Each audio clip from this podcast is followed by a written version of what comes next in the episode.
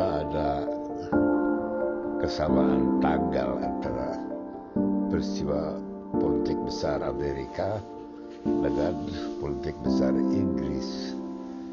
Waktu Brexit dibuat referendum uh, kita ingat tuh heboh sekali antara lain karena Trump juga ikut mendukung Brexit itu kebetulan dia sedang kampanye terus dia mendukung Brexit dan mendukung uh, Boris Johnson yang membuat orang banyak kesal tapi ya begitulah Trump.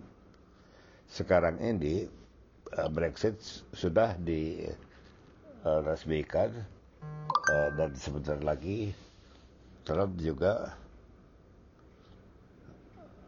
Trump juga ini apa akan menerima pembebasan dari impeachment court dari Senat. Dia memang ingin cepat-cepat karena ingin keburu sebelum memberikan ini pidato di Senat, pidato di Kongres sekali setahun itu State of the Union yang jadwalnya itu hari ini. Jadi sama-sama menunggu. Uh, memang sudah selesai persidangan di Senat. Yang penting-penting adalah menolak adanya saksi.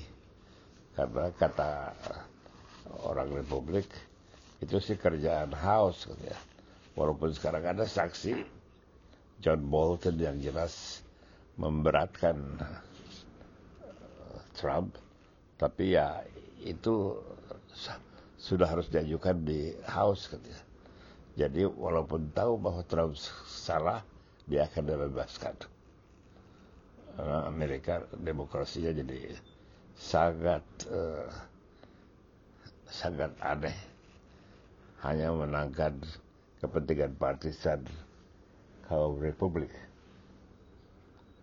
Yang jadi pertanyaan sekarang hanya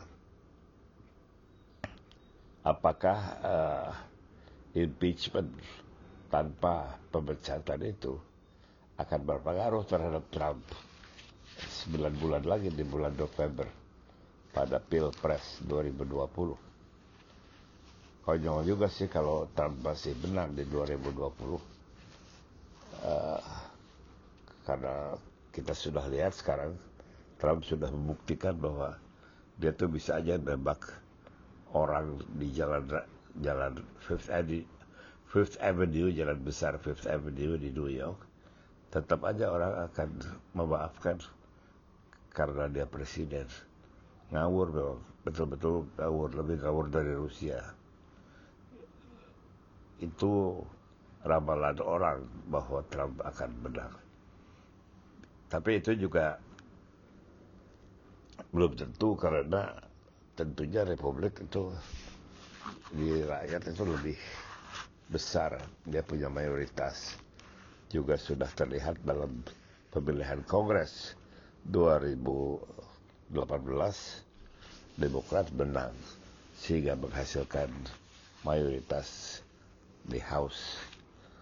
Tapi susahnya walaupun partai Demokrat itu kuat tapi calonnya per individu gak ada yang menonjol nomor 1, 2, 3, 4 yang diramalkan akan keluar dari uh, pemilihan pendahuluan di Iowa ini uh, gak ada yang leading jauh.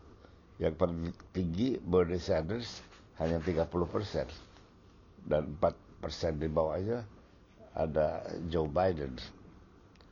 Jadi uh, sedangkan kalau Trump itu mantap betul dia punya pendukung solid yang disebut base ya itu dasarnya yang tidak bisa diganggu gugat dari sejak pemilihan sampai sekarang tetap aja segitu. Walaupun di bawah 50 persen tapi ya segitu. Dan itu cukup untuk membacakan mekanisme demokrasi Amerika. Amerika perlu uh, terobosan atau perlu uh, manuver politik yang kuat untuk melepaskan diri dari cengkeraman uh, Trump dan uangnya di Partai Republik. Moralitas dan kekuatan gereja di Amerika yang tadinya legendaris sekarang tidak masuk hitungan.